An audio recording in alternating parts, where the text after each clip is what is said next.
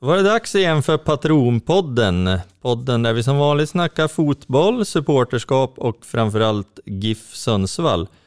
Och idag är vi på plats på MP3 Arena där vi precis har sett Giffarna förlora mot Sandviken med 2-3 i den avslutande cupmatchen. Tanken med dagens avsnitt är att vi ska summera Svenska cupen och vi kommer även ta upp en del omkring eh, motioner och annat smått och gott inför stundande årsstämma. Jag heter Mattias Denkert, med mig har jag som vanligt Thomas Rex. Uh, Johan Mårtensson. Så nu kör vi! Det gör vi.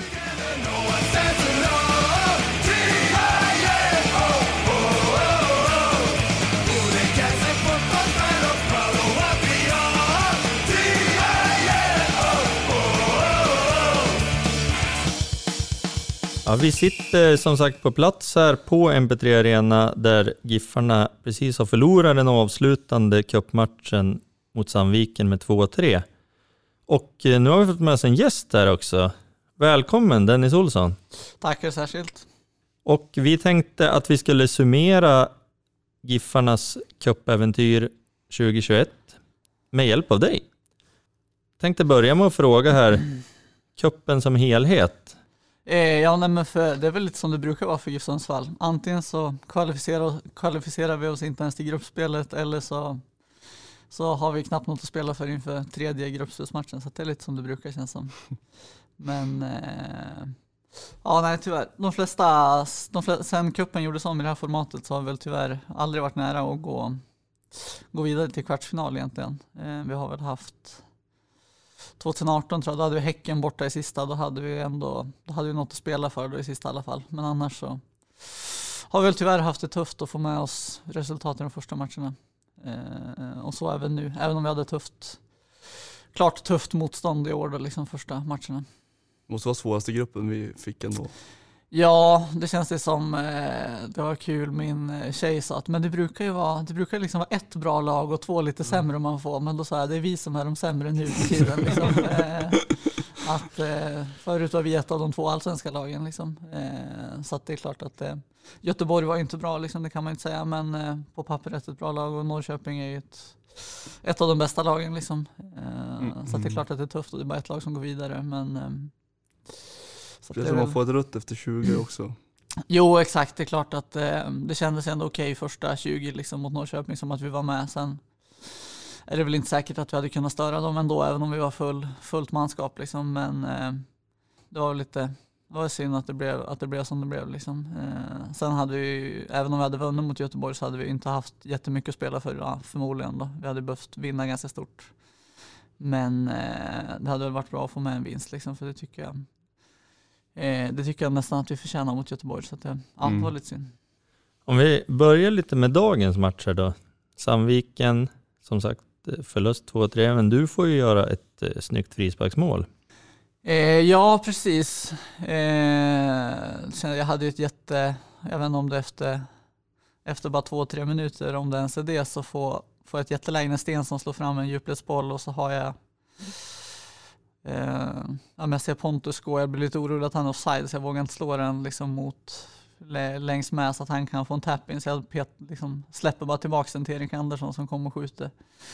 Så hade jag fått lite bättre ordning där så hade, hade vi kanske kunnat gjort mål på en gång. Eh, och sen tycker jag att om jag har jag har ganska mycket lägen och kunna sätta upp medspelarna i bra lägen första kvarten 20 där men det är lite misstiming och lite dålig leverans av mig någon gång och sådär. Sen, eh, ja, men sen får jag ett, som du säger ett jättebra frisparksläge. Eh, gå i målvaktens hörn.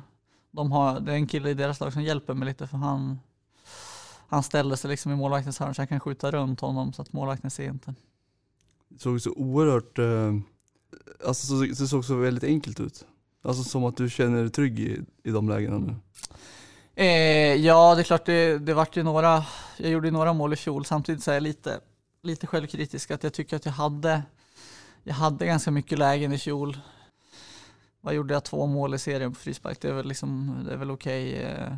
Det låter inte så mycket, men ser man till jag vet inte, statistiskt, det blir nog inte så mycket mål på frisparkar liksom. Eh, men utifrån hur mycket bra lägen jag hade så tycker jag att jag borde ha kunnat kunna haft lite mer farliga frisparkar. Det har varit lite många i början som fastnade i muren och så där. Så att, eh, eh, det finns mer att hämta hoppas jag. För jag var lite besviken på, på leveransen överlag i fjol. Tycker jag att jag borde haft någon mer som hade, skulle ha blivit farlig. Liksom. Jag tror du sätter två, jag tror att Blomberg sätter två. Mm. Innan dess var det väl Bergersen 2004 som gjorde mål på frispark typ. Ja, det är så. Nej men typ, alltså det var ju extremt. Ja, vi har nej, inte men, jag, mycket. vet, jag vet inte om Bataner satt någon direkt i Ja, mål. och kanske, nej. Jag tror, jag, tror inte heller det. Men Nej. det Men det är väl länge sedan vi hade någon, vi hade ju Danken som sprang och sköt några solkdödare liksom. Islänningen. Ja, jag tänkte säga till hans försvar, Ja, Aris Gulason ska du kanske Okej inte... då, nej, eh, precis. så han måste ha gjort klart Ja, många. han gjorde många. Okej då. Han gjorde två i en match kommer jag ihåg också. Sista matchen han spelade, guys 2013. kommer Westland bli arg på mig igen för att jag glömde bort Alice Gulason. Mm. Jävlar. Nej men alltså vi är inte bortskämda med frisparksmål. Eh, känns det som. Men det kändes idag som att det var så himla, alltså det kändes verkligen som att du bara gick dit och tryckte dit den. Ja, nej, men när det är sådär nära så, mm, så kan man välja att försöka gå över muren eller gå i målvaktens hörn då. Eh, Men som det var nu så han ställde sig, inte så, han ställde sig ganska mitt i ändå. Eh, Så att då bjöd han väl in och skjuta, skjuta i det hörnet. Och så långt var ju allt frid och fröjd. 1-0, allt såg bra ut. Vad hände sen som matchen utvecklade sig? Eh, ja, jag vet inte riktigt. Det, det känns som att eh, de, de gör egentligen mål första gången de är inne på, de är över på planhalva. Det känns mer som att det hängde 2-0 i luften liksom. Och sen tappar vi konceptet lite och släpper, släpper in några alldeles för enkla mål. Det är tyvärr lite, lite eh, av de tendenserna vi hade i fjol, att det kändes som att det Ja, att vi måste göra två, tre, fyra mål för att vinna för vi släpper alltid in några mål. Liksom. Eh, och det har vi pratat mycket om att det är där vi behöver ta steg. Liksom, att vi kommer inte göra två, tre, fyra mål i varje match utan vi behöver kunna vinna med 1-0 och spela oavgjort och spela 0-0. Liksom, och där, att vi, vi behöver kunna hålla nollan betydligt fler matcher. Liksom. Eh, släppa in tre mål mot ett division 1-lag, det är klart att vi är besvikna på det. Hur, hur är det att spela en sån här match? Jag menar, det är ju... Ni vet redan innan matchen att den är betydelselös för både er och Sandviken. Ja, alltså det, det är väl som en det är väl inte mer än en vanlig träningsmatch. Alltså, det är som en vanlig träningsmatch på försäsongen. Men eh, ja, vi tar ju alla matcher på, det är klart vi vill vinna och att vi tar dem på allvar. Men eh, man ska väl kanske inte säga att det blir mer än en vanlig träningsmatch. Men vi, vi går ju för att vinna alla, alla träningsmatcher och gör bra prestationer för att komma väl förberedda till, till premiären. Så att, eh, och jag tycker att vi hade en jättebra energi på, liksom när vi kom in i matchen. Eh, och vi hade kommandot oss där. Så att, eh, ja, det kändes inte som att vi kom in med fel inställning i matchen. Om vi ska ta lite grann från tidigare matcher också. Göteborg borta förra helgen. Då vart det ju en poäng. Det är ju den poäng vi får med oss från den här gruppen. Mm. Vad har du för minnen från den matchen? Eh, nej men vi gör väl en, eh, vi gör väl en bra bortamatch. Eh, alltså då är vi väldigt, tycker jag liksom defensiven, då är vi väldigt påkopplade och Eh, ja men vi bjuder, bjuder, de har väl några lägen liksom, men det känns som att vi är kompakta och bjuder inte på någonting och sen är vi väl lite, är vi liksom lite passiva och lite Um, vi för väl liksom inte så mycket spel med bollen i första halvlek, men i andra tycker jag att vi kommer ut bättre och har en klart, liksom första, jag vet inte, kvarten 20 har vi en klart bra period i andra halvlek liksom. Sen känns det lite snopet att de får det där målet på slutet, för jag tycker att vi, sista 20 när vi lägger oss lågt så känns det som att vi håller dem utanför oss och att vi är, ja, vi är jäkligt stabila när vi ligger lågt där liksom. Eh, Det känns som att de kan skicka in hur mycket bollar som helst, men det blir inget ändå. Sen får de Ja men eh, så får de straffen där, det, det sista som hände, så det var ju surt liksom. Robban som orsakade straffen tyckte den var billig. Har du någon uppfattning? Eh, ja, den kanske var billig, men jag tycker när jag såg klipp, alltså sekvensen i efterhand så kändes det väl som att, eh, som att det var straff liksom. Sen, eh, sen så finns det såklart domare som kan, eh, som kan fria också, men det kändes inte som att den var helt tagen ur det blå liksom. Första matchen, Norrköping borta, har vi varit lite inne på redan. Det blev en tidig utvisning där på Pitska. Vad säger du om den insatsen? Eh, nej men liksom som det, utifrån förutsättningarna som det blir så gör vi, gör vi absolut en okej insats tycker jag. Alltså det, är ändå, det är ändå ett av seriens bästa offensiva lag och vi, eh, och vi är tio man i 70 minuter och håller ändå 0-0 i andra halvlek liksom och kämpa och sådär. Sen är det tufft liksom eh, eh, efter utvisningen och, och, och föra så mycket eget spel och sådär så att det tycker att vi, man kan inte begära så mycket mer än det vi gör utifrån, utifrån hur matchen blir. Jag har en fråga där på den matchen. Paja får ett gult först ju. Mm. Och sen så känns det som att domaren bara plockar upp ett rött från ingenstans. Mm, ja men det, alltså, alltså dels så, man kan väl ha åsikter om om det ska vara gult eller rött, men det stora, det stora misstaget domaren gör är väl att han, eh, alltså när tacklingen sker, så tar, liksom, då tar han ett maxlöp dit och så går han och gräver i fickan på vägen dit och så bara lyfter han upp det gula. Mm.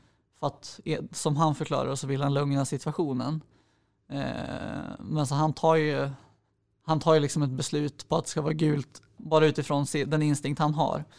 Och sen ligger deras spelare kvar och han börjar prata med linjedomaren, han börjar prata med fjärde domaren. Jag, det, ja, det är på min sida där så jag tycker framförallt att det är fjärde domaren som säger att det ska vara rött liksom. Mm. Eh, och då har väl, eh, ja, alltså jag tycker också att det är alldeles för hårt dömt att det ska vara direkt rött. Men det, det stora misstaget domaren gör är ju att, för det är fjärde domaren som tar beslutet att det ska vara rött som jag uppfattar det. Mm. Så att det stora misstaget han gör, eh, och för att det blir frustration, liksom, det är att han bara plockar upp det gula ja, utan att tänka efter det. vad Man Mm. säger att han, han, I affekt någonstans. ja men exakt, som- han, eh, han tar upp det gula och, och, och sprintar dit liksom. Eh, och då är det klart att beslutet att ta ett absolut högst tveksamt rött är ju, ja, blir tuffare för oss liksom. Ja men för det, det jag kan reagera lite på att när det röda kommer upp så känns det inte som att det, reag, det reageras inte så mycket från, från vårt håll. Nej, jag vet inte, alltså jag hör ju när han står, för han kallar till sig Wahlqvist och Engblom, så han står och pratar med dem, så jag, alltså 45 sekunder innan han drar upp det så vet jag redan att han kommer ta det. Mm, mm, Eh, Ja okej, mm. så att det var, det förklarar en, en del, absolut. För jag var inne på det innan, innan du kom hit också att jag kan känna att det blir att det är lite för sällan som vi svärmar kring domarna, alltså att det blir lite för lite så jävlar anamma i sådana situationer. Mm. Att där kanske vi behöver ligga på domarna mer. Mm. Eh, utifrån hur jag ser det, men får man det förklarat sådär så kan jag köpa det. Om du redan vet det 45 sekunder innan så är det svårt att reagera. Nej men det kan jag hålla med om, kanske inte just i en sån situation, då har han redan tagit beslutet, men, eh, men om vi får en tuff, om vi får en tuff tackling eller sådär så bör vi liksom men också springa fram till domaren för att kunna, kunna vinna fördelar liksom. Men med, apropå det då, jag tänker på det, hur viktig är kuppen egentligen? Vi, man läste lite åt den, framförallt efter Blåvitt-matchen tycker jag, att Ånstrand uttalar sig i, i lokaltidningarna om att ja, men det är sånt som händer, att man får en straff emot sig i 94 och jag är nöjd med prestationen och så här. Och mm, jag har svårt att se att det skulle vara sådana uttalanden om man åker på en straff i 94 i en superettan-match. Vad har ni för känsla kring cupens tyngd? Är det mer som försäsongsmatcher för att förbereda sig inför serien eller är det viktigt ur ett tävlingssynpunkt? Eh, nej men det finns väl en, det är en ganska stor skillnad mot en vanlig träningsmatch. Alltså det är ändå en känsla att det är tävlingsmatch och sådär. Sen så går det inte helt att jämföra med, eh, med seriematch heller. Utifrån det uttalandet och sådär så det är klart att vi tycker att det är sjukt surt att, att släppa in ett mål det sista som hände. Men jämför man med om, det hade hänt i superettan då hade vi tappat två poäng. I det här läget så hade vi vunnit med 1-0 så hade vi ju i princip ut ur cupen ändå. Alltså vi har ju behövt vunnit ganska stort idag då och så skulle vi, jag vet inte vad det blev i Norrköping-Göteborg-matchen. Nej, jag vet faktiskt inte. Jag- Men eh, så vi hade behövt med oss eh, resultaten där, så utifrån att gå vidare ur kuppen så, så hade 1-0 förmodligen inte räckt så långt mot Göteborg heller. Sen är det klart att det hade varit en tung skalp och något vi hade kunnat tagit med oss liksom, och vunnit borta mot Göteborg. Så att, eh, det är klart att det är surt ur det perspektivet. Men sen har vi pratat om också att vi eh, ja, men vi håller på att bygga något nytt och så där, att eh, det viktiga är att till, till premiären ska vi vara starka liksom. Eh, och att vi tar de här matcherna på allvar, men att det är premiären som gäller. Att vi, vi, liksom, vi, vi, han, vi spelar bara två matcher innan, innan kuppen och så där. Vi har ju många nya spelare och nytt spelsätt och ny tränare och sådär. Så att det... Eh, ja, Mm. så att vi, vi, vi går väl för premiären liksom. Eh, 1-1 blev det för övrigt i... Ja, det blev Norrköping gick vidare då. Ja, precis. Eh, jag tänkte att vi brukar ha ett segment där i podden där eh, Thomas och Johan får tycka till om toppen och botten rent allmänt. Jag tänkte eh, höra med dig, vad tycker du är toppen och botten från det här cupgruppspelet nu? ah, jag vet inte, för, för egen del så känns det skönt att få tre gånger 90 minuter i benen liksom, mot, bra, mot genomgående bra motstånd. Liksom, och det ja, känns som en bra förberedelse. Sen tycker jag matchen överlag borta mot Göteborg finns det något att, att ta med sig från. Liksom. Eh, en bra match tycker jag också. Ja, nej, men det, vi för kanske inte spelet så mycket och men som jag var inne på så vi är ja, men fokuserade och tajta och aggressiva och sådär tycker jag och, och gör liksom en bra bortamatch. Eh, Eh, botten då? Ja, nej, men det får bli, får bli domarinsatsen i Norrköping då kanske. Ja. Mm. Rimligt. Men nu laddar vi mot serien då? Eh, ja, men, ja, men precis. Vi, eh, det, är väl lite, det, är väl lite, det hade varit skönt att haft liksom ett genrep och gå igång nu känner jag lite. Nu, det är lite tråkigt att gå ner på tre, tre träningsmatcher nu innan det kom igång. Liksom, men det är väl som det är nu till helgen tror jag att vi har, ja men det är väl enda helgen vi inte har någon match och sen så går vi på en, en varje vecka och sen är det dags. Så att det, ja, det närmar sig i alla fall. Du har ju varit med några år med undantag för något äventyr i Belarus. Eh, hur eh, tänker du kring årets trupp? Du som har sett en del trupper komma och gå.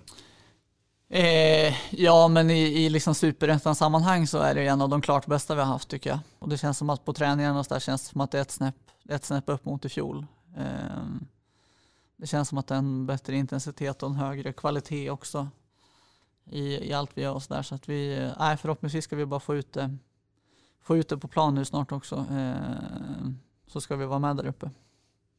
Apropå Belarus, den här um, vi tittar på den då, den här klassiska signbilden som du la upp på Instagram där. Den här eurorullen där, mm. den hade du placerat ut själv eller var kom nej. den ifrån?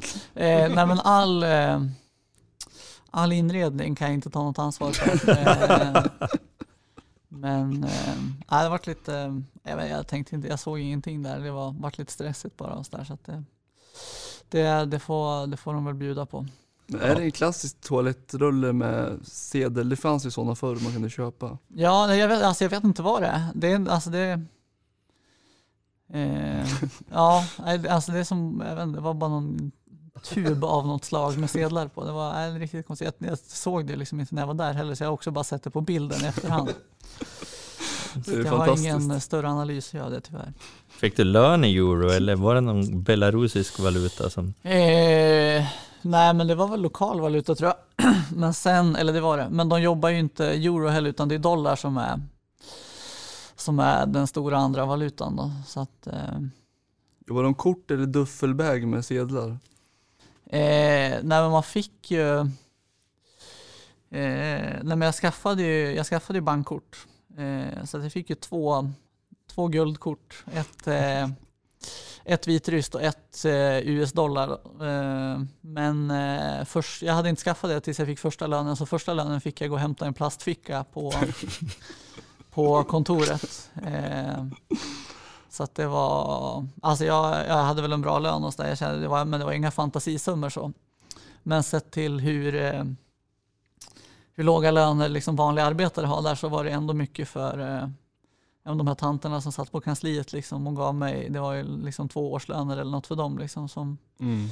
som de uh, slängde ut. Så fick man gå runt med det i ryggsäcken så det var lite spännande. I en plastficka ja. Mm. Var inte Chippen Wilhelmsson som var nere och gjorde något äventyr i Saudiarabien också? När de kom in någon i halvtid när de hade, eller efter, efter någon match och skickade på dem lite extra dollares mm. liksom. Ja, det var förmodligen en par tusen gånger mer än vad jag, ja. vad jag hann släpa med mig hem från Belarus i alla fall. Var det inte Ranegi som tog hem eh, sedlar i resväskan och typ berättade det för någon så att de är beslagtagna och fick ju skatta och det vart ju strul. Det var inte vad han hade tänkt sig som det verkade. Han berättade genom podd. Det låter inte som en omöjlighet. Nej, det gör det inte.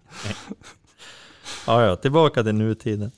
Eh, jo, men jag frågar om truppen här, men apropå det, hur, hur är du jämfört med tidigare säsonger? Eh, ja, eh, nej, man försöker väl alltid bli bättre eh, och sådär. Så att jag, när man har jobbat hårt nu och förhoppningsvis kan jag väl vara liksom min bästa, mitt bästa fysiska slag liksom, eh, när vi drar igång och vara lite starkare och snabbare och uthålligare än vad, än vad jag varit tidigare år. Det är väl, det är väl ambitionen och förhoppningsvis spelmässigt också så kan jag ta steg liksom, även fast eh, fast jag är bland de äldre nu, eh, eller är absolut inte bland de yngre i alla fall, så, så tror jag att man kan eh, fortsätta utvecklas varje år. Jag kan flika in med min fråga där kanske. Eh, vi fick frågan i patronpanelen som vi har varje fredag ungefär, om lagkaptener. Och så började vi snacka om om det inte skulle varit Pontus. Och där ramlade jag, efter mycket funderande så, så tyckte jag att du var en rimlig kandidat i det. Och det skulle jag inte ha tyckt kanske för tre år sedan. Inte för att jag tyckte illa om dig, men för att du kändes som en mer tillbakadragen individ för tre år sedan än vad du är idag. Det känns som att du är tryggare i liksom dig själv och så. Ja, eh, för, eller var du klar förresten? Ja, nej men alltså jag vet, ha, tror du att det har någonting att göra med att du åkte, att du åkte iväg till, till Vitryssland, eh, att du fick vara med om det äventyret eller har du liksom aktivt jobbat på att eh, Alltså det, kän, det känns bara som att du är på en mycket tryggare plats i dig själv på något vis. Nej men det, det känner jag väl eh, Det känner jag väl att det, ja men det, ja, jag vet inte om det var inför fjol eller ja men det Det vart väl lite av en generationsväxling och, och sådär och sen samtidigt som jag har ju blivit Ja men jag har varit här länge, jag har blivit äldre liksom eh, Så att jag känner mig väl liksom Trygg i gruppen eller vad man säger. Mm. Sen, och sen så har det väl också mycket med att göra att att eh, nej men jag kände väl eh, i fjol så kände jag mig liksom som en viktig spelare och, eh, och sådär och då känner man sig mer liksom trygg kanske socialt och sådär i gruppen också. Att tidigare när man har varit lite in och ut eller sådär då tar man inte så mycket plats. Mm. Eh, så det går nog lite hand i hand. Mm. Eh, hörde, vi måste ta de tråkiga grejerna också här. Vi gör ju alltid i den här podden en Jämtlandskoll med våra gäster för att se om det finns någon Jämtlandskoppling. Och eh, nu har vi ju hittat här tyvärr att du har ju Jämtlandssläkt både på fädernet och mödernet. Farmors föräldrar från Östersund respektive Hackås. Morfars mamma Östersund. Det är ju ett tag tillbaka. Så att, eh, tänkte bara kolla liksom så att eh, den här jämtländska inte sitter kvar. För det får vi väl hoppas. Och jag funderar på det, bara brukar du ofta liksom, i vuxen ålder, brukar du ofta liksom leka att du bor som i ett eget land och en egen republik och liksom tycker sånt är kul? Och hålla på och låtsas? Eh, det är väl inget jag hänger mig åt i någon större utsträckning, det skulle jag inte säga. Nej. Nej, men det var det jag misstänkte, så att då, vi, vi är safe helt enkelt. Skönt. Mm. Det är väldigt skönt. Ja, det är ju så här grabbar att eh, jag tycker det är så himla roligt att ses och prata med er. Så vi sågs ju faktiskt redan tidigare i veckan här och eh, pratade lite grann inför stundande årsmöte. Eh, bland annat om två stycken eh, motioner som patronerna har lämnat in. En om VAR och en om den så kallade villkorstrappan. Och nu när vi har dig här Dennis kan vi passa på att höra också vad du har för inställning till det här? Till exempel, vad, vad, tänker du kring VAR? Är det någonting du skulle vilja se i svensk fotboll? Eh, ja, men jag, jag, får väl ändå säga att jag är för. Det är väl eh, eh kontroversiellt var ordet. Jag fattar inte hur jag inte kunde hitta det förut. Jag är helt slut i huvudet. Men eh, kontroversiell där i den frågan kanske.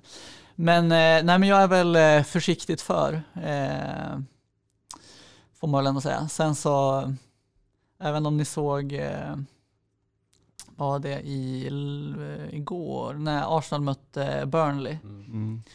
Eh, jag, jag, jag, kan inte förstå hur det inte kan bli hans och straff i det. Alltså, och det, det som stämmer mest är att han går inte ens ut och kollar på tvn. Nej.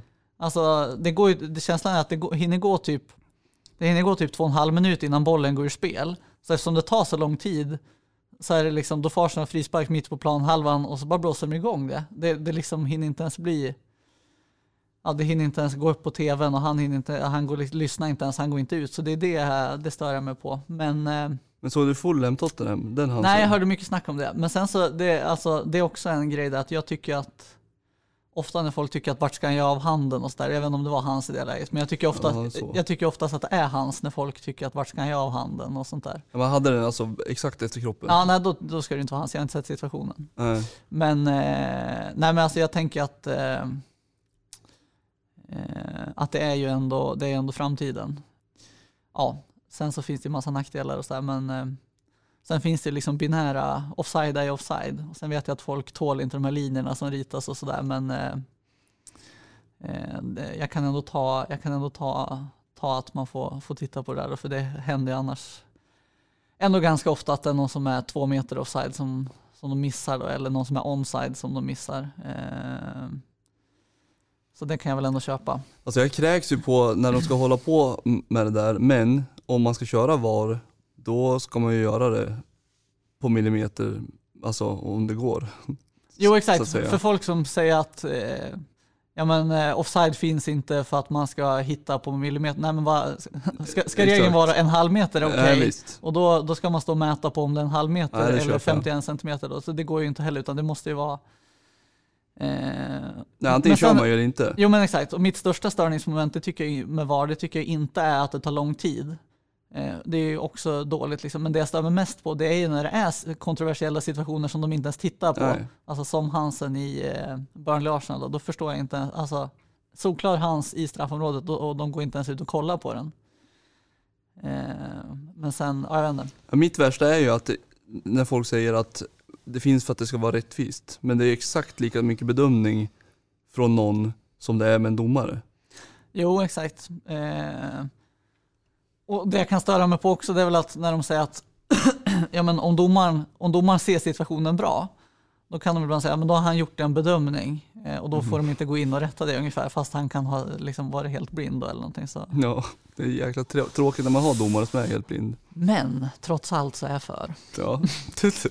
Men det är just det, där jag känner också som jag har pratat om förut att jag tycker att VAR som det är idag, jag tycker att det är jättekonstigt. Just det där man säger att när, ska, när tar man det och när tar man det inte. Och när, som det fungerar idag då tycker jag att då, då ska man vara efterhållsam och tänka till en gång till och så vänta tills det funkar bra. För jag tycker inte att det gör det idag. Det känns ju lite bakåtsträvigt också att vara emot VAR på något sätt. Det är lite bevara Sverige svenskt. Så att, Nej men lugn. Det är den sjukaste jämförelsen jag har hört i hela mitt liv. Emot VAR lika med SD alltså. Vägra vaccinet. Nu vill vi bara poängtera att Dennis Olssons uttalande inte nödvändigtvis är Patronpoddens officiella åsikt. Däremot har han kommit ut som anti-vaxxer nu. men det finns ju mycket, finns ju mycket nackdelar, men jag tror ändå att, eh, att i framtiden så ja, så kan man få det att fungera så, eh, så tror jag att, eh, att det här får stanna. Det är för att du hoppas på att du ska kunna föras fram via virtuell skärm så du slipper springa också. Ja, exakt. Det hade varit skönt. ja, men jag tolkar det som att tekniken är bra men det finns förbättringsområden Ja, alltså jag tror framförallt att det är kommunikationen. Alltså, många situationer är ju så tydliga så att då borde ju Alltså då kan domaren, alltså i, i Sverige är det långt bort av liksom resursskäl och sådär men i Premier League så då, om det är en tydlig situation då borde ju, alltså huvuddomaren borde bara kunna få i örat vad som, vad som har hänt då. Och sen så fattar jag att om det är de här som är bedömningar att då ska jag ut, på, då ska jag ut och kolla på iPaden liksom. Mm. Eh, men, men, annars så kan man, de här som är liksom, det är inga tveksamheter, då är det bara att, att få i örat att döm så här eller ja, godkänn målet, det var inga konstigheter liksom. Mm. Mm. Ja, och eh, sen den andra motionen av patronerna handlar ju om den så kallade villkorstrappan. Då. Föga förvånande så är ju patronerna mot den här villkorstrappan. Bland annat så har den ju uppmärksammats mycket nu på sistone. Det var ju ett upprop där flera svenska elitspelare också deltog. Har du några tankar kring villkorstrappan? Eh, ja, nej, alltså jag ställer mig väl bakom det som de här spelarna spelarna skrev under. Eh, äh, det är tråkigt som det har blivit. Alltså, det är inte av sunda anledningar eller om man säger som vi hamnade där vi hamnade utan det, det måste vara någon, eh, någon, någonstans i någon myndighet som någon trycker på åt det här hållet för det känns som att det, det som händer i verkligheten liksom signalerar inte att det här behöver hända på något sätt. Är det här någonting som ni brukar diskutera liksom i laget eller på spelarnivå? Eh, nej, alltså jag ska inte säga att det, att det är något som vi, som vi pratar jättemycket om. Det är väl mer som, ja, som nu när det här kom ut med, med spelarna som stod bakom, eh, stod bakom det här och så här så är det väl något man, eh, man kan prata om. Liksom. Eh, när det kommer restriktioner eller vad man säger då så kan det väl eh, vara ett samtalsämne men det är väl inget vi pratar om dagligen, det kan jag inte säga. Då säger vi tack så mycket Dennis för att du tog dig tid att komma hit. Ja, det var det lilla det. Tack själv. Och lycka till med resten av säsongen här. Ja, men tusen tack. Nu grabbar, nu har det blivit dags för ert favoritsegment här. Det blir toppen det. Och lite botten. Jajamän. Så att eh, toppen och botten, precis som vanligt. Och idag börjar du Johan. Jag tänkte börja med botten, jag brukar börja med toppen. Och så tycker jag att det brukar bli så negativt, så att nu börjar jag med botten då. Och- det, ja, det blir, alltså, på något sätt blir det att vi vinner inte en match. Och jag har sagt förut att jag inte bryr mig riktigt och det gör jag nog inte, men man får ju heller inte bara torska på försäsongen, det tror jag kanske att jag har sagt någon gång. Uh, och en match som den här så, jag, vet, alltså, jag tycker vi börjar bra och sen så tycker jag att det, det är liksom konstiga mål och det är ju återigen liksom riktiga misstag bakåt som renderar det enkla insläppta, det vi skulle jobba bort från förra året. Så botten, jag ska inte säga inställningen för att det, jo, det kanske blir det till slut. Det är någonting med typ straffen borta mot Göteborg, att det inte bara, varför svärmar inte vi kring domaren när det blir en straff i 93? Varför blir det liksom inget, det blir ingen puls riktigt och det är, det är för lite jävlar anamma i, i, tycker jag. Det, det känns inte som att liksom, att man har fått in i spelarna att det är viktigt liksom. Och det tycker jag ändå att man ser förra året också. Eh, och det är ju inte bara lagkaptenens eh, roll utan det, det, det är ju hela laget som ska, han ska ju gå i bräschen många gånger men jag skulle vilja efterlysa lite bättre eh, glöd. Är det lite träningsmatchkänsla över cupen här? Men Alltså inte, det, är, det är från i fjol också, i serien. Jag tycker att det är, det är för lite... Alltså vi står upp för varann för lite på något sätt. Även fast jag är 100% övertygad om att alla de här vill Giffarnas bästa. Det är inte det jag vill få fram egentligen. Men jag tycker att det är för lite... Eh, Grinta. ja, ja det, är- det, det är bara du som använder det tror jag. Det är vackert. Uh, nej men alltså det, det är precis, det är för lite jävlar namma, det, det känns som att det är för lite eh, stå upp för varann. Uh, jag vet inte, smäll på någon jävel då om det, om det liksom blir 3-1 sådär fort som det blev idag. Gör någon, markera någon, alltså Kanada i hockeyn är väl experter på det där. Men, men vi känns så jädra beskedliga på något vis. Och det, det har varit min farhåga också lite med med eh, tränare, alltså Ånstrand är ju super på väldigt många vis men han känns ju inte som att han liksom får igång den här riktigt jävla anamma-känslan i, i, i grejerna. Man hade velat haft någonting i halvlek här som hade bara Goof! Ja för vi kommer ju ut som ett sämre Ja, lag än i ja, första och då var det inte bra i första. Det är det som skrämmer mig lite att det liksom inte jag vet inte och det är ju inte bara tränaren, det är inte bara spelarna utan det är ju tillsammans så måste det bli någonting, måste bli någon bättre slutprodukt av ett halvtidssnack än att man kommer ut och det ser ut som liksom söndagsskolan på något vis. Jag vet inte. Ja, lång eh, botten och Mm. säkert väldigt eh, vimsig men äh, jävlar anamma då. Eh, andemeningen. Toppen, det är Daniel Stensson, vilken jävla spelare. Jag älskar karln. Jag kommer att eh, backa Daniel Stensson i resten av mitt liv. Alltså han är så bra idag så att jag, jag orkar inte. Han, är, alltså, han slår kanske sex högkvalitativa eh, djupledsbollar som sitter på läppen på, på framåtmarscherande eh, spelare. Han vinner tillbaka boll, han är liksom spelbar hela tiden. Jag tycker, ja, jag tycker han är otrolig. Jag har ju tidigare sagt att jag inte har sett honom tidigare och det har jag ju inte. Jag har suttit och hyllat honom ändå. Och det säger väl en del om mitt fina fotbollsöga att jag trots att jag inte sett spelarna kan veta att de är bra. Du jämför med Donatas idag. Det gjorde jag i och för sig vid ett tillfälle. Jag, jo, så här sa jag. Jag har inte sett någon så här bra sen Donatas och, och det var provspelet mot Gävle inomhus där i Nordkallen. Men jag kommer på att jag har en cliffhanger också gällande Donatas. Det här eh, Spännande. historien jag var inne på om att han hade mm, suttit och metat i Härnösand med en 75 och en limpa cigaretter. Jag har blivit varse nu att han blev, eh, han och en kamrat, eh, oklart om det var en, ytterligare en litau eller vem det nu var, men de blev ju alltså bortforcerade från Bergeforsens fiskeodling där för att de stod för långt upp då i fel zon och stod och ryckfiskade med, med stora drag. Det, så han blev alltså länsmans eskorterad bort från Bergeforsens fiskodling. Med stora drag. Sen kan han ändå ha metat i Härnösand. Jag säger inte att det är osannolikt. Men eh, det var kanske en annan, ett annat tillfälle. Det är dubbla toppen här idag. Alltså. Ja. Stensson och Donat. Ja, faktiskt. ja, härligt. Thomas, jag börjar också med botten idag faktiskt. Och då tänker jag att jag håller mig inte till det sportsliga. Jag eh, tänker lite grann, vi har varit inne på nu och pratat om de här grejerna i det här avsnittet med motioner hit och dit och årsmöten som stundar.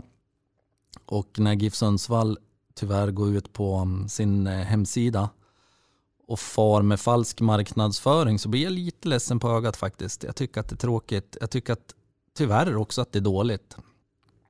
Det stod ju att eh, man skulle kunna gå till eh, GIF-shoppen och eh, hämta dagordningen. Ehm, det gjorde jag i fredags. Men den fanns inte där.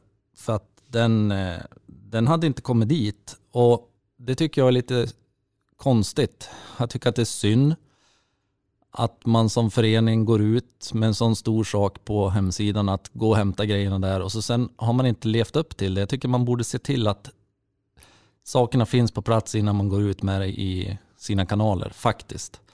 Det lämnar jag där och hoppas att allting blir bättre. Och det tror jag. Kan jag bara få flika in där med att flik. vi pratade om årsmötet senast tror jag. Mm. Att, eh, eh, nej det, det är i det här avsnittet. Ja, det, det är med Örebro. Vi blir, li- ja. Eh, där så, så sa jag att man får vara lite självkritisk också, att man inte har liksom satt sig in så mycket. Mm. Här ska ju föreningen ha en skopa skit för att de gör det ju inte möjligt att bli insatt. Nej, men nej, det är exakt det jag menar. Vi, nu försöker vi och så får vi inte Nej, ta exakt. del av grejerna ändå. Och och det, det är ju jättesynd för att jag, jag, jag har aldrig varit så engagerad i något årsmöte, jag tror det gäller många. Ja.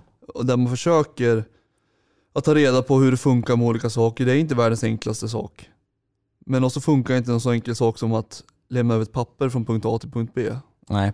Och, ja, nej, Förlåt det att jag hijackade nej, din- men nej, nej, du har helt rätt Johan och det är precis det jag tycker och tänker. Och nu, så här blir det när vi spelar in live i, i GIFs lokaler. Det är ett, en slags växthus här som ja, brummar ibland. Så att, ja, eh, men, bort, bortse leva från det. det. Ja. Det, är bot, det är botten. Men vi för oss osökt in på min toppen faktiskt. Och det är just det. Att Växthuset. GIFs, ja, växthuset. Nej. Att vi får äran att få vara på plats idag. Mm. Och att GIF ställer upp, ge oss ett rum. Mm. Vi får se matchen, vi får spela in podden härifrån. Mm. Jag tycker det är applåder. Tryck på applådknappen för fan applådera GIF. Det, det tycker Ja, jag de ska ha. De, de, eh, Det var väldigt schysst. ja, de ger oss och det sitter aldrig fast. Jag tycker det är stående ovationer faktiskt. Jag, stort. Det var superlativ i och för sig, men eh, jag håller med i sak. Jag tycker det är fint. Det sitter aldrig fast. Det är det sjukaste du har sagt någonsin. De här, men de här, mot oss, mot oss.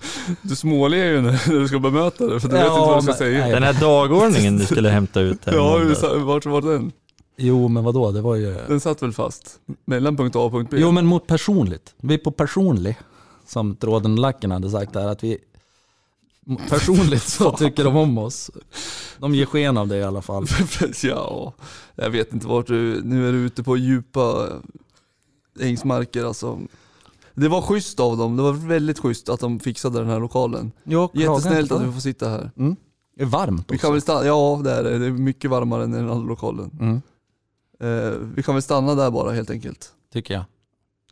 Men det är kul att eh, det uppskattas, det vi gör. Och man får väl hoppas att GIF också ser ett värde i det och att vi kan, att det är en win-win.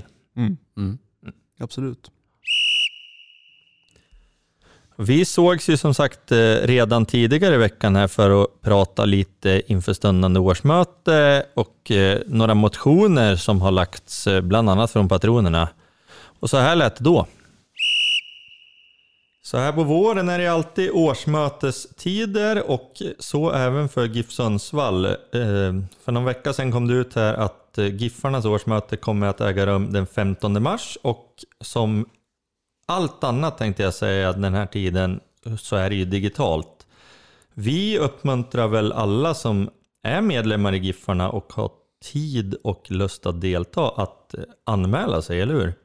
Absolut. Ja. För att göra det så enklast så skickar man ett mail till medlem.gifsundsvall.se så anmäler man sig där så kan man delta på årsmötet och utnyttja den här demokratiska rätten man har genom att man blir medlem.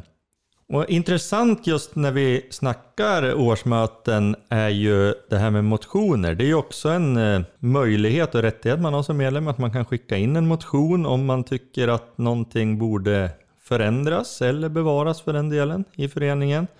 Johan, du har snackat om att motionera mot de här försäsongströjorna. Hur har det gått med den motionen? Jag fullföljde plikten att vara med på en motion och skicka in, men inte just den. Och det roliga var, den här matchen hade vi inte de tröjorna. Nej, precis. Nu mot... Eh, Jag tror det var för att det var blått i, i och för sig. Om jag får gissa. kanske det, kanske det. Ja, nej men precis. Så du kanske redan har fått din vilja igenom bara... Jag hoppas de eldar ner dem. Ja, det återstår att se. Jag suckar på den Johan. Ja. Men vi har ju sett och kollat lite grann här.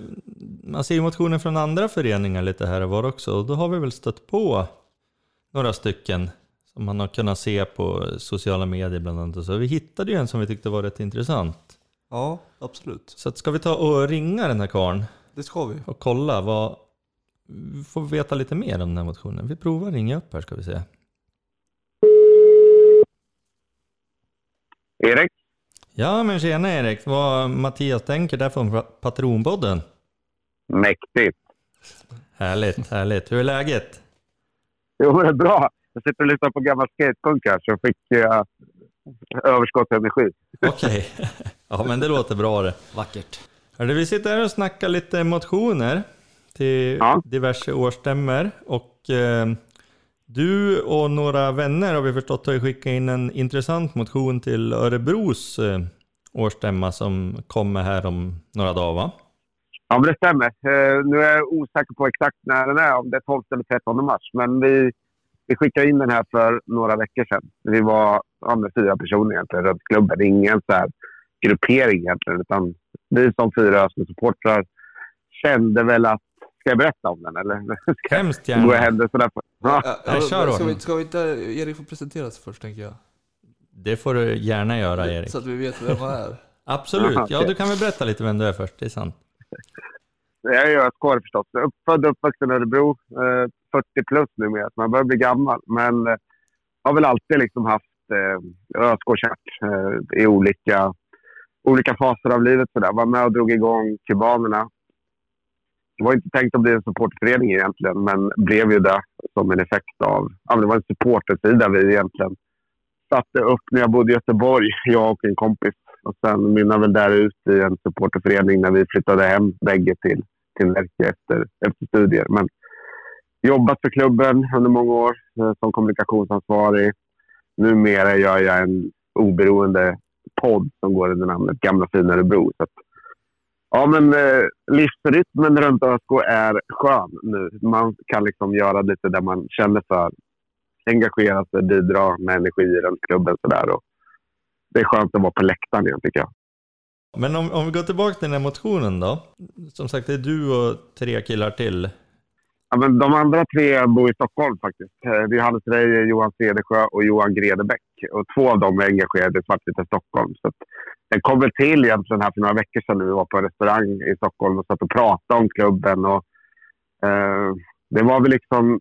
Jag tror alla vi hade liksom funderat på, på varsin kammare på något vis. Så det kändes ganska fort som att vi...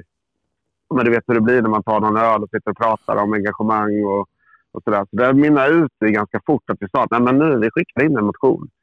Det handlade väl om att vi upplevde lite dissonans mellan klubb och supportrar. Att, eh, att ibland tas beslut som kanske inte är så här jätteväl förankrade.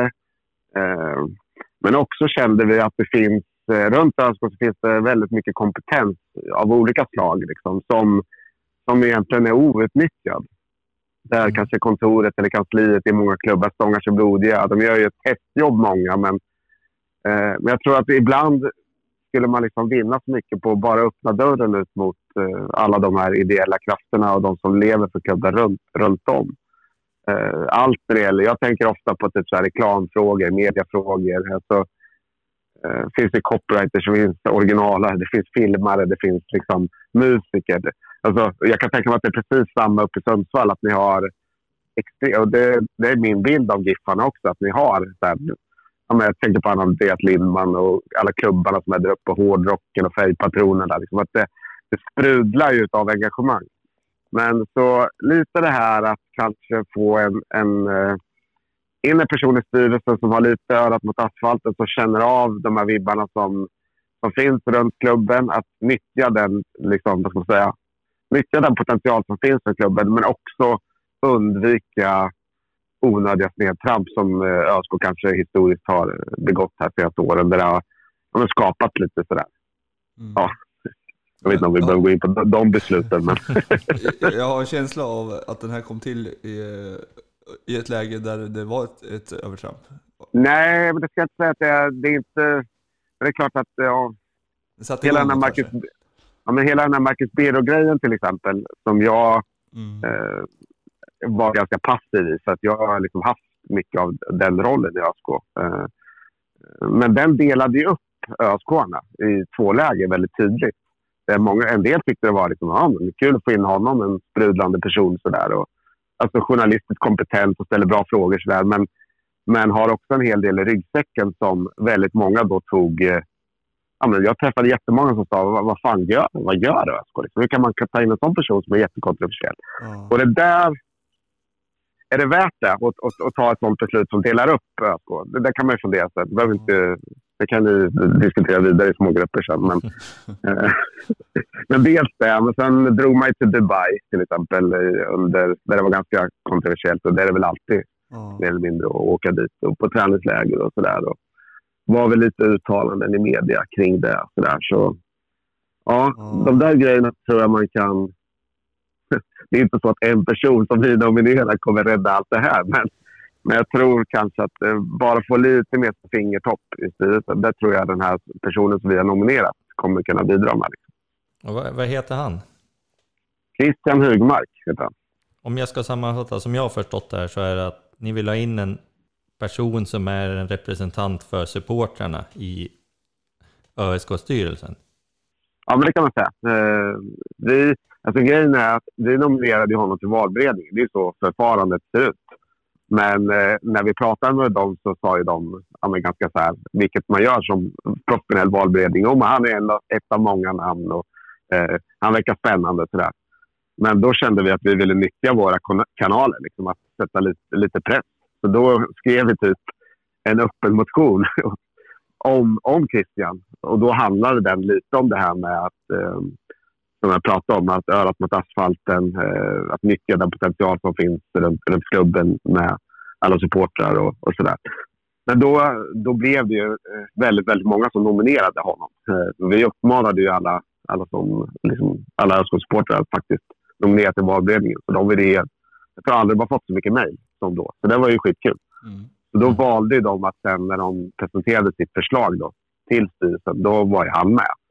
Så, vilket känns skönt, för annars hade det blivit, eh, annars hade det blivit en, liksom en omröstning på, på årsmötet där vi hade propagerat för honom. Då.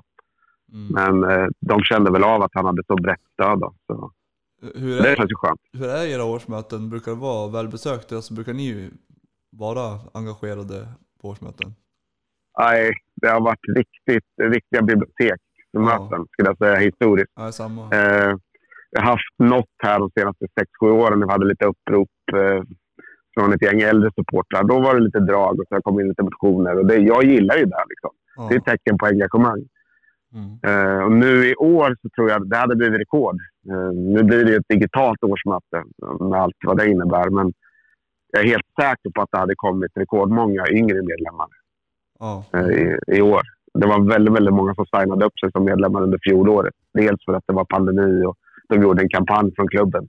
Men också för att många kommer, kommer liksom, har blivit lite äldre och börjar engagera sig och ser saker som man kan bidra med. Så Nu har ni föreslagit han eh, Christian, heter han va? ja, stämmer. Eh, på två år. Är, är det här liksom... Det är klart, nu är det ju han som är föreslagen på två år, men är det här en engångsgrej eller skulle du önska att ni alltid har liksom som en permanent supporterrepresentant i styrelsen framöver? Nej, men alltså jag skulle inte säga egentligen. Eh, det handlar inte om att vi vill ha inflytande eller att vi ska in en man på insidan. Det är egentligen inte det vår motion handlar om. Vi- vill...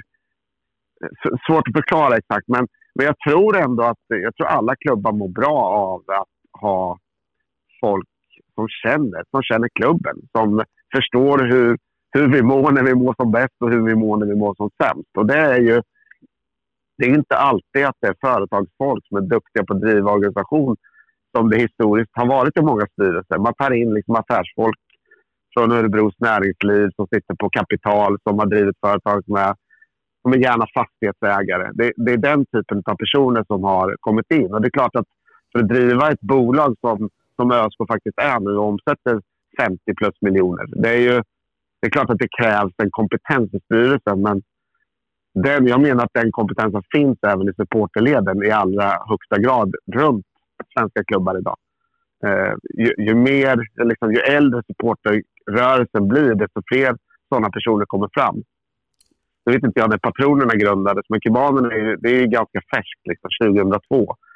Det är i och för sig 20 år nu, men Ja, 99. alltså, ju längre, ju längre arv liksom, supportkulturen har, desto mer människor är det på något sätt som växer upp med den och som, som också skaffar sig civila karriärer, men som också har en, en oerhörd förståelse för läktaren och det. Och det, det, tror jag, det tror jag är viktigt i styrelserummet, helt klart. Alltså, Precis, jag håller med om allt du säger, men jag tycker att det låter lite som att det här borde vara någonting som klubbarna skulle vilja driva själva också. Att, eh, att, eh, att man får in någon Alltså, någon som känner båda sidor. Ja, precis. Jag tror att det skulle vara Fast med jävligt kompetens då. viktigt för... Ja, med kompetensen är absolut viktig. För klubbarna att driva. Så att det kanske, Mm. ni, ni kanske har man- sett ett, något avtryck här. Man får ju vara lite självkritisk också, som vi säger att det har varit alltså, icke besökta årsmöten och eh, att man inte engagerar sig så, så kanske det, det- alltså, det, det är svårt att sitta och, och säga att det borde vara si och så kanske eh, när man inte har varit där. Så att det väl Nej, men det måste, det, jag håller med där. Och det är, allt har sin tid på något vis. Jag känner väl, och det kanske har med att nu är jag utanför klubben, jag är inte anställd längre. Mm. Eh, Men jag har nog aldrig känt sån här liksom, sug inför ett årsmöte och engagera mig i den här typen av frågor. Jag tycker det är superspännande. Ja. Och du vet, valberedningen har ringt mig ja, men, nästan dagligen senaste veckan. Och Simon som är klubbchef ringer. Och, ja, men du vet, det är, man märker att det är en, het potatis. Att det, är, och det kanske är lite extra spänning nu i, i ÖSK. Det finns en, liksom, en, en klubbchef som har suttit i sex sju år nu. eh, Och han pratade om fem år från början. Att det, är- det är ungefär så länge man ska sitta. Mm. Vi har en ordförande som har varit här. ett tag. Det finns en viss tension runt klubben. Och det är klart att det kanske gör att det blir ett ännu större fokus på inför årsmötet. Då. Ja, nej men jättespännande motion i alla fall, får vi säga. Mm. Och så får vi väl eh, se hur det går på årsmötet, men då blir han väl invald där då, ert förslag? Får Ja, men det skulle jag tro. I och med att han är nominerad så känns det, känns det som att förutsättningarna finns där. Så att, eh, ja, det är vi glada för. Ja, det förstår jag. Och han är tillfrågad av er också, så han vet om det. Ja. Det sjuka är att jag, jag, kan dra en liten bomb här. Eller bomb, men jag är nominerad till valberedningen i höst utan att ha blivit tillfrågad. Så Oj, Oj. fick jag, fick, fick jag här till med helgen. Det är en liten soppa i sig, men eh, det ska nog bli bra. ja. Men eh, det. det, kan ju, det är ett tips till alla de som ändå eh, vill engagera sig. Ska man nominera folk så är det läge att stämma av. För det är ändå något slags... Det är ett jättebra tips. Supertips Eller faktiskt. Mycket bra idé. Ja, men tack så jättemycket för att du tog dig tid. Verkligen. själva. Mm. Och ha det fint och lycka till med både årsmöte och säsong framöver här. Ja, Grymt. Tack så mycket och se till att gå upp igen nu. Vi saknar er i Allsvenskan. Ja, vi tackar Erik Wärlegård så mycket för det där samtalet. Mycket intressant. Giffarnas årsmöte då, som sagt 15 mars är det dags. Och patronerna har skickat in två stycken motioner till det här årsmötet. Den ena handlar om VAR. Och eh, yrkandet från patronerna lyder så här att patronerna yrkar på att GIF Sundsvall aktivt ska verka inom svensk elitfotboll och Svenska fotbollsförbundet mot införandet av VAR som innebär spelavbrott eller fördröjning av domslut i svensk fotboll samt att GIF Sundsvall aktivt verkar för att övriga svenska elitklubbar ska gå på samma linje. Tydligt ställningstagande mot VAR alltså. Vad tycker ni om VAR grabbar? Det är jättebra att det kommer en motion mot det här avgrunds... Fy fan vad jag hatar VAR. Ja, då är vi överens i alla fall där. Det sämsta argumentet som finns är också det ska bli, det, det blir rättvist. Det är så jävla orättvist med VAR. Ja men alltså det är väl lika orättvist som, som det var innan. För att det är ju fortfarande någon som tittar på bilder och gör en bedömning. Ja, och sen ska det bedömas. Undrar om vi ska VAR för när vi ska använda VAR Ja, och också. när det ska bedömas och det är... Ja. åh. Ligger kvar och grina i en kvart så kanske de kan blåsa av och kolla VAR om en kvart. Och så, ja, då fick du med dig domslut. Fy fan, jag är spyless på det. Det kan vara för att det var Roma-Milan igår också som jag är extra upprörd idag. Mhm. Berätta mer. Nej, det, det, det, det blir bara... Nej men det är just det där som vi pratade om. Jag, jag känner att ibland så väljer man att använda VAR. Men i liknande situationer åt andra hållet så då väljer man att inte använda VAR. Och då, det faller ju. Jag tycker att det, det är plattfall bara helt enkelt. Ta bort skiten bara. Ja, och sen samma sak när de ska hålla på och veva. Fan, Filippo Inzaghi, hur många mål hade han gjort eh, om VAR hade funnits? Han hade stått på noll mål. Född offside? Född offside. Det, nej men, det är millimeter och när slogs bollen? Och nej, gud, det går inte att få något bra. Som det är nu i alla fall. Kanske finns någon som kommer på något briljant om ett tag, men nej. Nej, jag tycker det står bra här i motionen. Det står här att domslut, såväl korrekta som de som senare visar sig vara felaktiga, är en del av den totala fotbollsupplevelsen och mytbildning runt fotbollsmatcher som lever kvar och diskuteras i det kollektiva supporterminnet. Mm. Ja, Jäkligt bra skrivet. verkligen. Ja, jag säga. fantastiskt. Vad Men då-. Vad fint där i, i Holland när det hade införts. Eh, Det var ett lag som eh, var tvungna att vinna för att eh, klara Ja, sig kvar. är. Och så, ja, de, de, de andra laget anfaller. Eh, och sen så tar de bollen, går till anfall och gör mål. Hela arenan jublar. Eh, målet betyder att de har klarat sig kvar med största sannolikhet. Domaren går och kollar VAR, hittar en straff i det tidigare anfallet. Så han dömer bort målet, ger motståndarlaget straff. De gör mål, de åker ur. Mm. Härligt. Den är fin. Man hade inte varit nöjd då. Nej, det hade man fasen inte. Nej, fy fan. Men samt, ja, jag vet inte. Nu spelar vi in det här, det var GIF-match igår. Vi får en tveksam straff emot oss i 93 minuten också. Men okej. Ja, men då tar jag hellre det. Ja, jag tar också men- hellre det. Jag, jag är mer less över att vi får en straff emot oss i 93 ä- än huruvida den, för Simon var ju inte intresserad av att visa om det var straff eller inte. Nej, Eh, Men eh, nej, inte en repris var det. nej. Men eh, alltså jag, jag, skulle aldrig ta i min mun och sitta och gasta om VAR. Nej, det finns inte där. Då- det är en bedömningssport så då får man acceptera dem, även om vi får vara arga. Mm. Vi enas om det helt enkelt. Bra motion av patronerna. Mm. Mm. Ner med VAR. Mm. Går vi vidare till den andra motionen istället. Går vi vidare till här. ja, men precis. Varför? Den andra motionen handlar, den är kanske inte mer kontroversiell i sig, men den handlar om ett eh, kanske ännu mer kontroversiellt ämne, åtminstone i supporterkretsar. Och det är den så kallade villkorstrappan. Och det patronerna yrkar på där, det är att GIF Sundsvall verkar för att få polisen på nationell nivå att återupprätta dialogen samt på lokal nivå förbättra dialogen ytterligare med arrangören och supportrar för att gemensamt skapa säkra arrangemang. De yrkar också på att GIF Sundsvall verkar för att avskaffa polisens villkorsstrategi, den så kallade villkorstrappan, i dess nuvarande form. samt att GIF Sundsvall verkar för att strategiska beslut som rör säkerheten på elitfotbollens matcharrangemang fattas av Svenska Fotbollförbundet, Svensk Elitfotboll och Svenska Fotbollssupporterunionen tillsammans med Polismyndigheten. Det här vill vi ju veta mer om, eller hur? Ja. Så vi ringer väl? Ja, ring. Kollar. Ring, ring Helsingborg. Vi ringer Helsingborg. Ja, det är Dan. Ja, hej! Dan Ekberg. Det stämmer bra det. Vad härligt, tjena. Det är Mattias, Thomas och Johan här från Patronpodden. Hej hej. Okej, Hallå. det är ett helt eh, koppel patroner jag pratar med. Jajamän. Vi kommer, Ja, alltid, vi kommer alltid i trepack här, det är väl lika bra helt enkelt. eller hur? Hur är läget då? Jo tack, det är något sånär.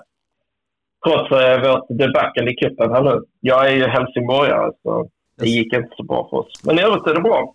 Du, du sitter i styrelsen för Svenska Fotbollssupporterunionen. Det stämmer. Det gör jag sedan ett antal år. Jag har väl varit engagerad på olika sätt i eh, SFSU i ja, drygt tio år skulle jag tro. Jag har suttit i valberedningen tidigare och eh, sitter nu i styrelsen. Har från och med i år rollen som eh, vice ordförande. Eh, det är ju så, alltså jag ska erkänna, jag kände faktiskt inte ens till Svenska Fotbollssupporterunionen för eh, några veckor sedan och jag tror att det kanske inte är en jättevälkänd organisation. Kan du inte berätta lite grann, vilka är ni och vad gör ni? SFSU, som vi förkortat kallas, eh, är ehm, en paraplyorganisation för svenska fotbollssupportrar. Det innebär att våra medlemmar är Eh, supporterföreningarna i, eh, runt om i landet. Totalt sett har dessa supporterföreningarna runt eh, 50 000 medlemmar och det har stadigt utvecklats genom åren. SFSU grundades 2008 om jag inte missminner mig. Eh, helt enkelt eftersom eh, det fanns supportrar från olika lag som såg en nytta med att framhålla sig i frågor som eh, det fanns en nationell enighet i. Alltså eh, bli en gemensam röst för supportrarna i vissa frågor. Och eh, det har väl eh, varit ett gäng frågor genom åren som har haft lite, fått lite mer plats än andra och däribland eh, medlemsdemokrati eller den så kallade 51-procentsregeln. eh, Vi har eh, jobbat mot ett ståplatsförbud. Eh, vi har, eh, eller en ståplatsreducering, för att vara helt korrekt. Även eh, på senare tid eh, den så kallade villkorstrappan. Så det är lite sådana frågor där det behövs en eh, nationell samordning för fotbollssupportrar som vi arbetar med. Och villkorstrappan är vi väldigt intresserade av. Det är det vi sitter och snackar om här, att patronerna har ju skickat in en motion till GIF Sundsvall årsmöte här nu i mitten av mars. Mm. Om att Giffarna då ska verka ja, för ett avskaffande av den här villkorstrappan. Eh, Ja. Och villkorstrappan är ju känd och eh, väldigt illa omtyckt hos eh, oss supportrar. Men den kanske inte är lika känd bland liksom, den breda fotbollsintresserade publiken. Va, hur skulle du beskriva villkorstrappan? Eh, Villkorstrappan är väl eh, den termen vi supportrar och media och eh, ganska många andra kallar eh, sättet polisen eh, tillämpar eh, tillståndsgivning i samband med matcher. Eh, helt enkelt så fungerar det som så att klubbarna behöver söka tillstånd för att få arrangera en match. Och i det här tillståndet så förs det in ett gäng begränsningar eller förutsättningar för att man ska få arrangera matchen. Trappan eller stegen eller vad polisen kallar det i då helt enkelt att om det sker en ordningsstörning så är tanken att det ska gå ut ett hack på den här stegen där de här kraven på arrangören blir något hårdare för varje hack.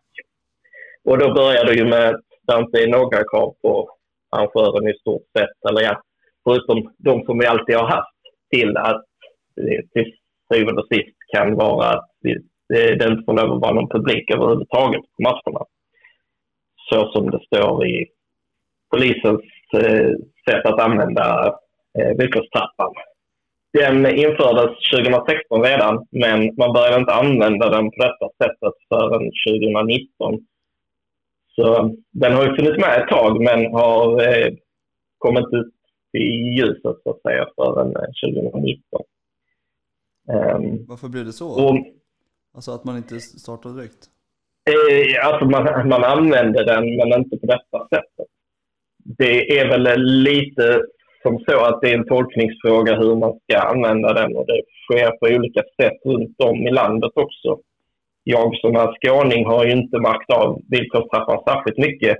Jag vet att ni i Sundsvall har märkt av den och kanske framförallt klubbarna i Stockholm har mm. verkligen märkt av att den existerar.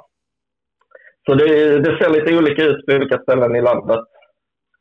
Men eh, ja, om man ska kort, kort beskriva det så skulle jag väl säga att det är ett av de största hoten vi har mot svensk fotboll eh, överhuvudtaget. För det blir en orimlig situation när vi har siffror som pekar på att vi har tryggare och säkrare arrangemang år efter år. Och sen ska vi trycka på mer repression, vilket ger alltså ett sämre... Eh, eh repression betyder ju inte att eh, det blir tryggare eh, evenemang, utan också tvärtom. Som sagt, jag ser det som ett väldigt stort problem för svensk fotboll i längden kanske framför allt. Eh, dels för att vi inte har sett att man har kunnat ta ett steg ner på den här stegen heller. Utan det är ofta att det blir hårdare krav, men väldigt sällan att det lättas på dem.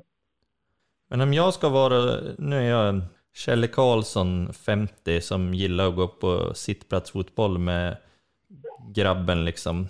Jag tänker bara så här, är det inte bara att sluta bränna bengaler och sluta härja liksom så är problemet löst.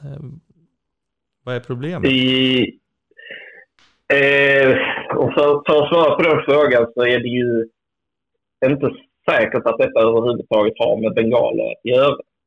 Eh, det har funnits en eh, eh, diskussion tidigare, främst i Stockholmsregionen, kring eh, att eh, de så kallade polisnotorna eh, Stockholmslagen fick betala för polisen. Och detta är ju ett sätt för polisen att lämna över ansvaret på arrangörer eh, vid offentliga tillställningar. Det är ju oavsett vilken typ av ordningsstörning som sker eller om den ens är kopplad till fotbollen som arrangören får ett striktare ansvar. Från min synvinkel så handlar det mer om eh, vilken typ av samhälle man vill ha. Vill man ha att enskilda aktörer agerar som ordningsmakt eller ska vi ha en eh, polis som sköter det? Det blir rätt snett när eh, klubbar ska ansvara för säkerheten i eh, arenaområden och som i Stockholmsområdet kanske till och med ner i en tunnelbana. Det kan jag tycka är det stora problemet. Sen vad som är eh, orsak och verkan här är väldigt svårt att se direkt. Jag läste någonting om det, det var en artikel i någon av kvällstidningarna nyligen om det, när det var någon från Bayern tror jag det var som pratade, han hade frågat polisen liksom, eller han brukade göra det inför varje match sa han, att säg vad, vad, vilket jobb är det ni gör idag som vi kan göra istället? Och polisen kunde aldrig svara menar han på. Det är lite intressant. Nej, det är ju som så att eh, man kanske har ett eh, det är inte så att klubbarna ska stå utan ansvar i samband med deras arrangemang. Självklart ska de ha trygga och säkra eh, arrangemang och kanske framförallt för oss besökare. Men det betyder ju inte att de ska ha ett strikt ansvar, eller vilket då innebär att de även har ett lagligt ansvar att se till så att inga ordningsstörningar sker. Eh, det betyder inte heller att de ensamma ska stå för säkerheten har vi två miljoner besökare på fotbollen så blir det den typen av event som faktiskt faller under polisens ansvar. Varför, det tycker jag. Varför tillämpas den eh, bara på fotboll och inte på konserter och festivaler och, och annat? Ja, ja, jag tror svaret ligger i polisens organisation. Eh, den är inte helt eh, enhetlig.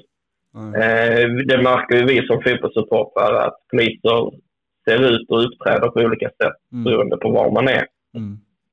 Även om man har en eh, nationell strategi för hur man ska uppträda så ser det väldigt olika ut och det ser olika ut om det är en fotbollsmatch, en eh, demonstration eller en, en ja, eh, det är en begravning. Mm. Alltså, det finns inte bara för att det är en offentlig tillställning så, eller en folksamling så betyder det inte att eh, de agerar likadant och inte ens om det är fotbollsmatch i Skåne eller i Stockholm. Nej. Eh, eller i Norrland för den delen. Det kanske var dumt. eh, dum, men alltså man hör ju ofta den argumentationen men man har aldrig fått något riktigt svar på Mm. va- varför. Nej.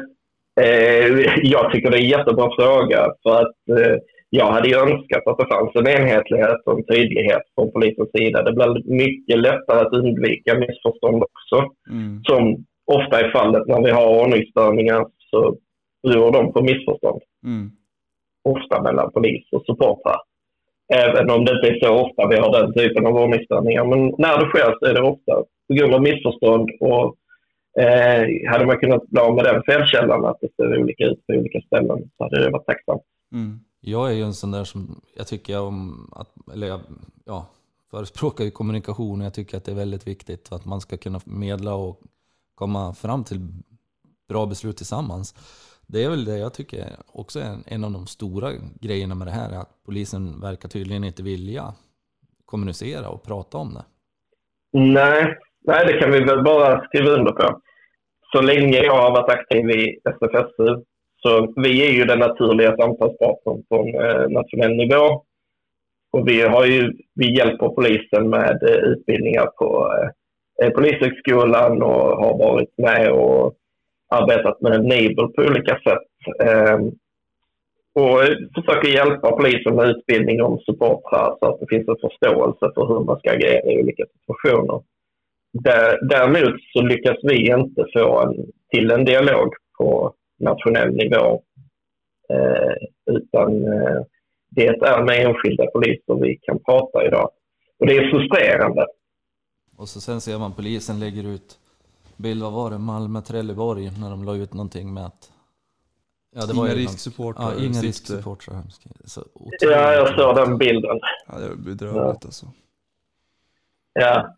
Sen eh, kan det vara en enskild polis som har gjort ett misstag. Ja, eh, vi, har ju, Ja. vi, har, ensk- vi har enskilda eh, supportrar som ibland eh, gör lite konstiga saker. Så Så är det. eh, men Ja. men ehm, Man kan väl säga att feelingen Men- var väl kanske inte jättebra, kan, kan vi konstatera. Nej, nej, det var den ju verkligen inte.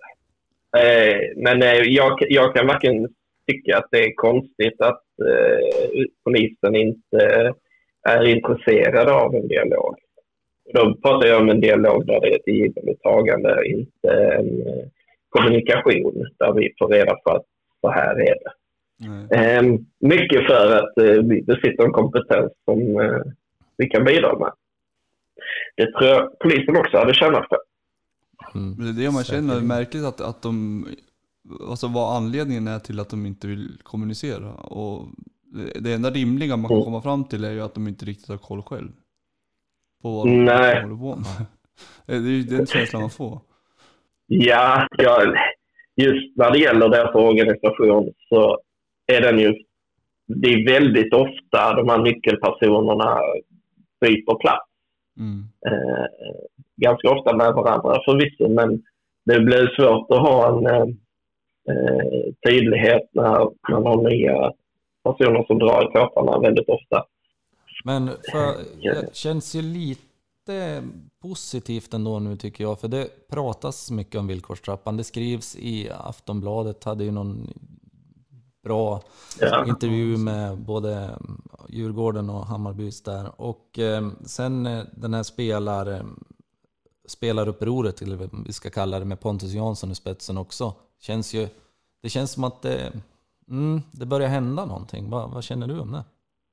Jo, verkligen. Jag tycker det händer mycket. Eh, till och med har det varit uppe eh, på riksdagsnivå och debatterat. Det är ju lite det. Det händer mycket och på många olika håll. Och eh, det är ju det som är styrkan med fotbollen också. Att det är så många som är engagerade och som eh, vill mycket.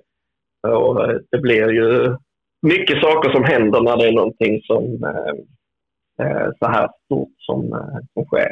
Så nej, det är väldigt positivt och det är kul att se engagemanget. Eh, jag tror ju också att situationen som sådan, det finns ju ingen inom fotbollen som tycker att detta är en bra lösning, klubbarna minst av alla. Det blir ju på något sätt en knäckfråga. Vill man ha kvar fotbollen kan man inte hantera tillstånden på detta viset. måste ju sluta där någonstans.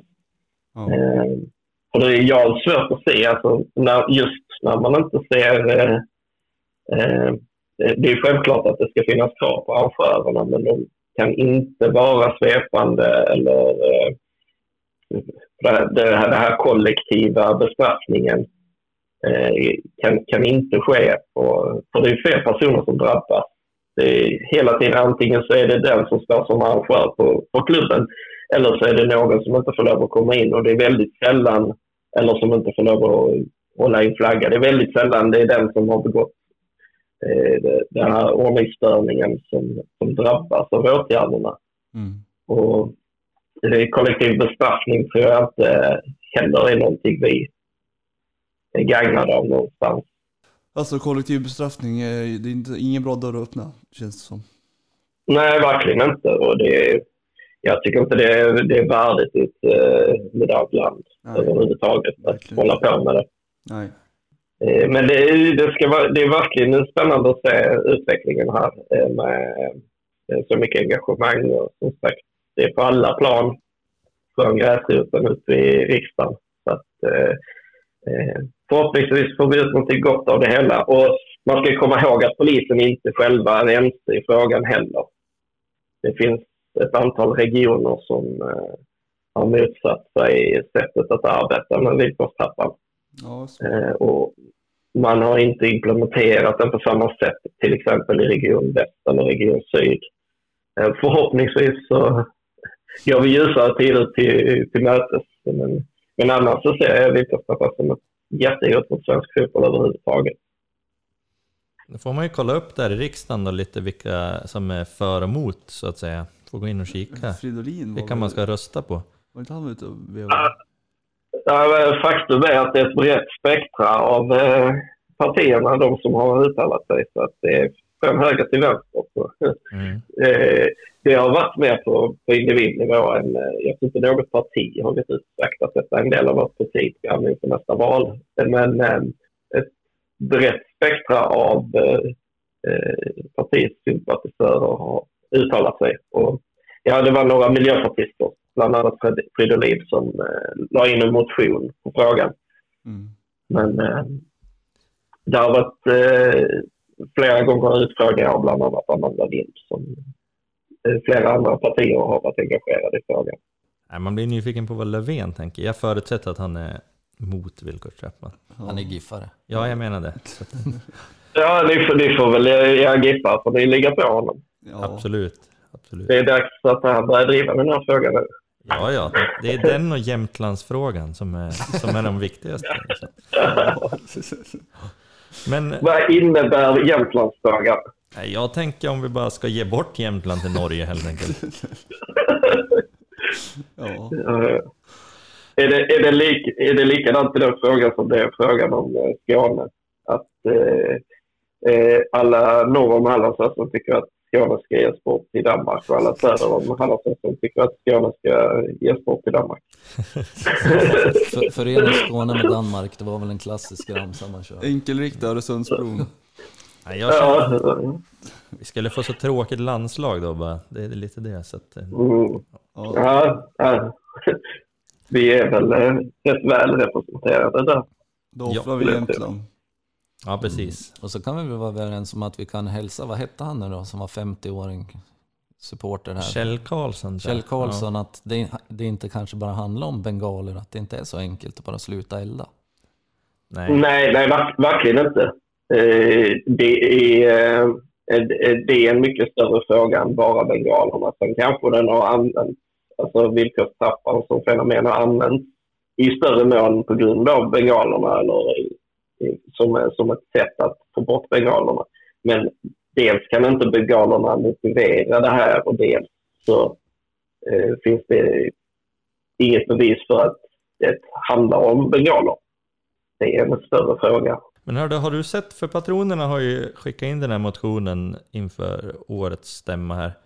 Eh, Mm. vet du om det är några fler supporterföreningar som har skickat in liknande motioner, antingen i år eller tidigare?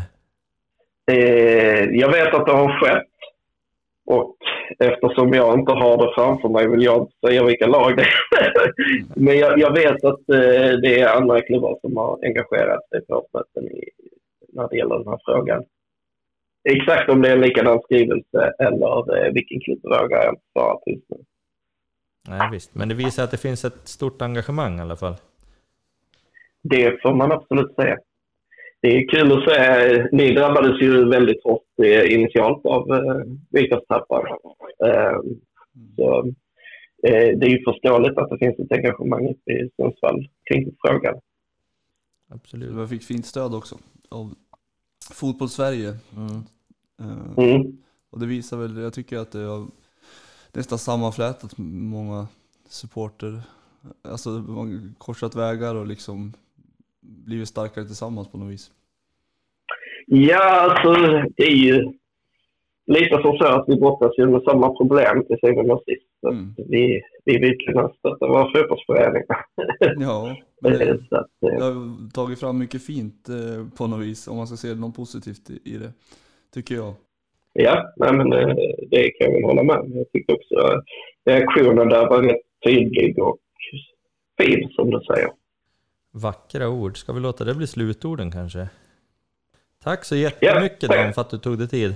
Verkligen. Tack själv! Och vi, ses, Tack själv. vi ses på premiären. Ja, det gör vi. Det gör vi, det gör vi. Härligt. Lycka till! Tack detsamma. Hej då. Det var allt vi hade att säga i det här avsnittet. Vi tackar våra gäster Erik Välegård, Dan Ekberg och framförallt Dennis Olsson. Och om ni tycker att det slamra och brummade lite grann i det här avsnittet så är det som sagt för att vi har spelat in på plats från MP3 Arena där vi har summerat Giffarnas cupäventyr. Nästa gång vi hörs, då är det kanske dags för seriepremiär. Ha det gott till dess och go go Giffers!